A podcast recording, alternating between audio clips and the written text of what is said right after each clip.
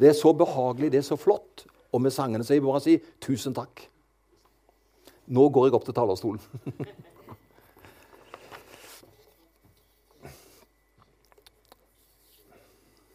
Overskriften på det jeg skal si i dag, for teksten ble jo lest, det er at sorgen skal bli til glede. Det finnes en glede som aldri tar slutt. Selv om sorgen kan vare ei stund, så varer den virkelige gleden evig. Og jeg tror Jesus i teksten vår minner oss om å tenke langsiktig. For vi har så lett for å tenke kort, vet du. Og så graver vi oss ned fordi det umiddelbare kan være så utfordrende. Men det Jesus minner oss om tenk langsiktig. Og da skal det bli en glede som aldri vil ta slutt. I kirkeåret så er vi mellom påske og Kristi himmelfartsdag. Og I bibelteksten vår i dag så tror jeg Jesus han ser over, utover tiden og inn i den nye tid som skal komme. Kan jeg få bruke illustrasjon? Jeg tror Jesus på en måte ser inn i en kikkert. Og den kikkerten går langt. Og så ser han gjennom kikkerten langt inn i framtida. Han forbereder disiplene på at snart skal han reise fra dem. Han sier også, spennende og interessant nok, at han også skal komme tilbake.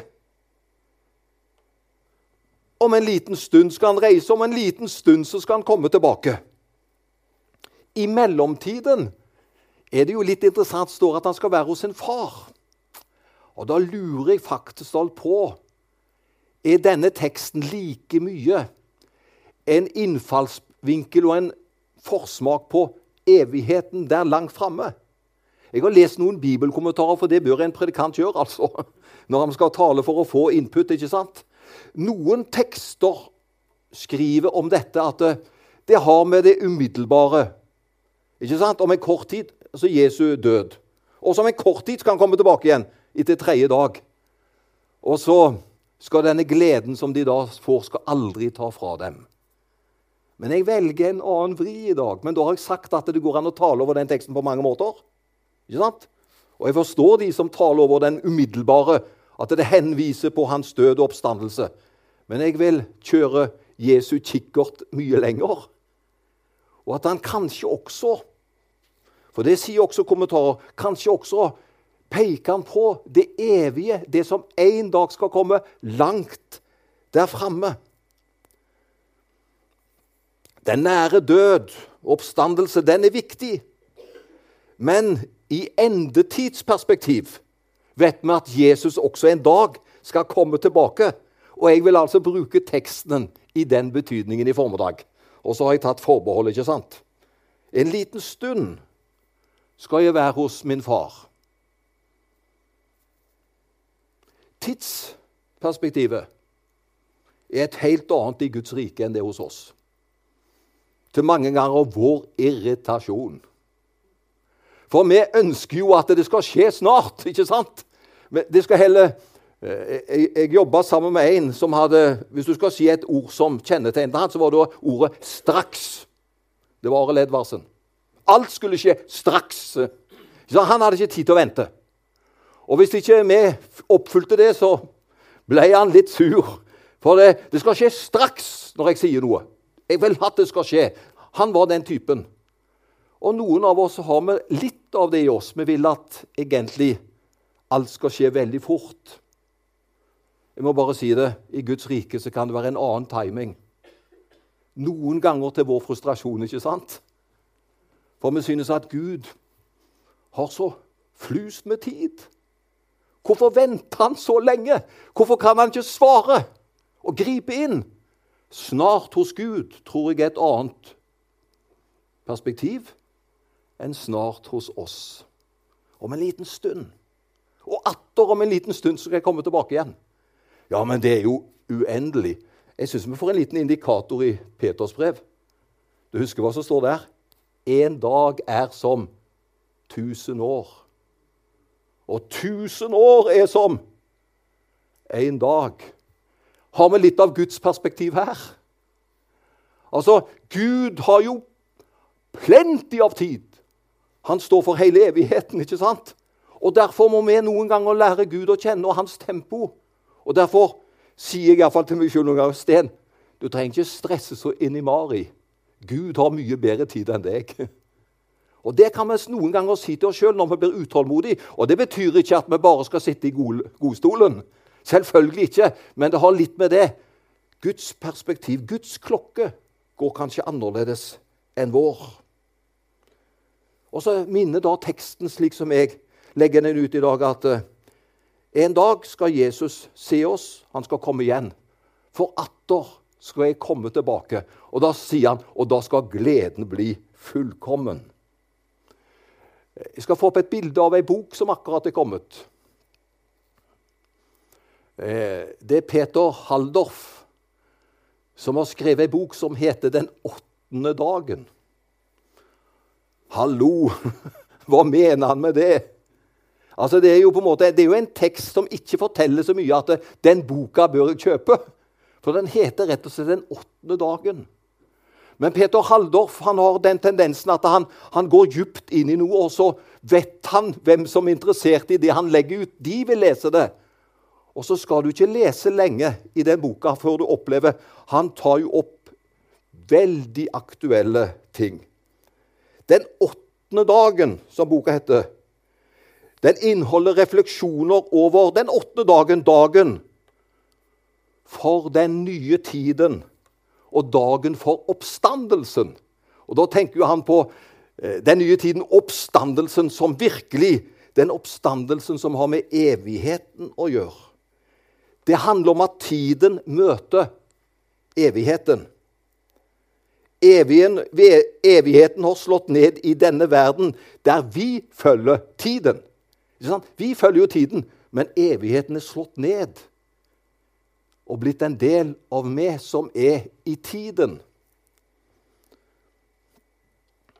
Og et av våre største utfordringer vår tids, i vår tids kristenliv, sier Peter Haldorf i boka, er at vi er så opptatt av det umiddelbare at vi glemmer det evige. Og Det kan vi jo tenke på litt nå. Kan du ikke bare bruke ti sekunder på det? Hvor mye betyr det umiddelbare for deg i forhold til det evige? Vi lever og planlegger som om vi skal være her i 1000 år. Et slikt perspektiv er ikke sunt og godt å leve efter hvis vi planlegger som om vi skal være her i 1000 år. For det står at Gud har lagt evigheten ned i våre hjerter. Selvfølgelig skal du planlegge. Det er ikke det jeg mener, men hvis vi tror at det er bare her vi skal være, og ingen andre steder, at det er alt, da vil vi få et feil perspektiv i livet. Og I bibelteksten underviser Jesus sine disipler og sier før han kommer tilbake, så skal de oppleve sorg og fortvilelse. Men gleden skal til slutt vendes til det gode. Og Da sier han at sorgen skal bli til glede. Nå sier han at verden opplever glede og framgang. Men en dag skal rollene byttes. En dag skal sorgen som vi kan ha, den skal bli til glede. En dag skal vanskeligheter og bekymringer vike plassen for glede og salighet. Det er to dyrebare egenskaper ved den kristne gleden. Og det vil jeg at du skal prøve å huske på å ta med deg. Det er to dyrebare egenskaper ved den kristne gleden. Hør, det første er den kan aldri bli tatt ifra deg. Det er mye vi kan bli robba for og stjålet ifra. Men den gleden kan ingen ta fra deg, for den er gitt av Gud. Den er ikke gitt av mennesker. Den er ikke gitt av samfunnsånden eller hva det må være. Det er en glede som er gitt av Gud. I enhver generasjon har det vært mennesker som har lidd fryktelig, men som allikevel kan vitne om herligheten og gleden i Kristus Jesus. Det er jo den som har holdt dem oppe. Hvorfor det, da? Den kan ingen ta fra dem, for den er fått, den er fått ifra Gud. Og det andre er ikke sant, at ingen kan ta den fra deg. Det var første. Og det andre er den kristne gleden er fullkommen. Verdens gleder har alltid en usikkerhet i seg. Det kan være noe som ligger under overflaten. ikke sant? Det er noe som kan dukke opp, en overraskelse. Så verdens glede den er jo ikke fullkommen, for den kan endres. Kristi glede kan ingen ødelegge. Og Jeg håper du har den gleden i ditt hjerte, for den bærer deg gjennom sykdom, den bærer deg gjennom utfordringer og vanskeligheter. Og den gleden, den hører himmelen til. Og så får vi den i våre liv for å bære oss gjennom alle livets fasetter. I den kristne gleden vil smerten som gikk forut for gleden, efter en tid bli glemt. Og Da bruker Jesus et bilde. Jeg skal repetere det bildet, så husker du det, for det ble lest i teksten. Moren glemmer smerten når hun får se sitt nyfødte barn. Husker du vi leste det? Ja. Nå er jo, Jeg kommer aldri til å føde noen. Men du som har født, du vet at i fødselen og rett før så var det en usikkerhet. Og i den prosessen så var det en kjempestor smerte. Men moren glemmer smerten når hun får løfte opp sitt nyfødte barn og se det og beundre det. Martyrene på jorden i dag Og det er mange martyrer. Det er mange som er forfulgt i dag. De glemmer smerten ved synet av himmelens herlighet. Det er det som holder de oppe. La meg bare få si det, for Sist sommer så var vi jo sammen med Åpne dører på Justøy. Og Der var det en av representantene for Åpne dører, en veldig fin kar. Han sa det at eh, det finnes ca. 360 millioner forfulgte kristne i dag. Som må kjempe for sin tro, og som opplever smerte i sitt umiddelbare liv. Og De verste landene for forfølgelse Jeg kan nevne bare de fem første i rekkefølge. Det er Afghanistan, Nord-Korea, Somalia, Libya og Jemen. Og så kan vi ha masse lengre rekker. Men det finnes altså våre trossøsken de tilhører samme Kristi legeme som oss. Men de må betale en kolossal pris fordi de tror og vil bekjenne Jesus. Martyrene holder ut i smerten, for de har den himmelske herlighet i horisonten sin, i evigheten, og den holder de oppe. Og så står det også i teksten. Det tror jeg er de to neste versene eh, som, hvor du slutta. Men i min tekst er det også de to neste versene. Der står det at når vi når dette, så skal vi få kunnskap om alle ting. Og dermed så trenger vi ikke å spørre om noe. Her i tiden så kan vi ha mange spørsmål. Og noen av de spørsmålene som vi kan ha, kan være tyngende. Og de kan få fram veldig rare følelser i oss, og vi kan bli fortvila. Og vi har våre utfordrende spørsmål. Men når vi når fram, når den gleden som kommer fra himmelen, som ingen skal ta for oss når vi har nådd målet, da får vi alle himmels kunnskap og innsikt, og ingen trenger å spørre om noen ting. Er ikke det flott? Du skjønner, Nå må vi spørre om alt mulig. Men den dagen får vi himmelsk innsikt. Vi har nådd fram. Og ingen trenger å spørre om noen ting, fordi vi har nådd målet. Vi har fått kommet til fullkommenheten. Den åttende dagen, boka til Haldorf, minner oss om at vi, har, vi er evighetsvandrere. Det er det boka vil fortelle. Og vi trenger egentlig å minnes om det at vi er evighetsvandrere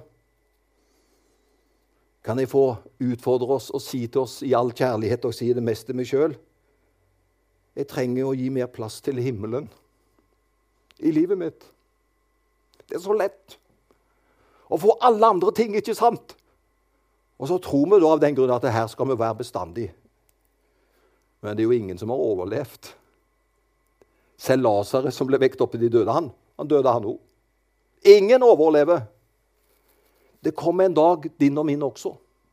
Men for oss så er det ikke en dag som er full av gru og fortvilelse. Da sier Jesus da skal dere virkelig få oppleve den sanne og virkelige gleden. Og ingen skal ta den fra dere. Vi trenger å bli minnet om himmelen i våre liv. Her er bare vår for-tiden-adresse. Den permanente og evige er himmelen. Ære være Faderen og Sønnen og Den hellige ånd, som var, er og blir en sann Gud fra evighet og til evighet.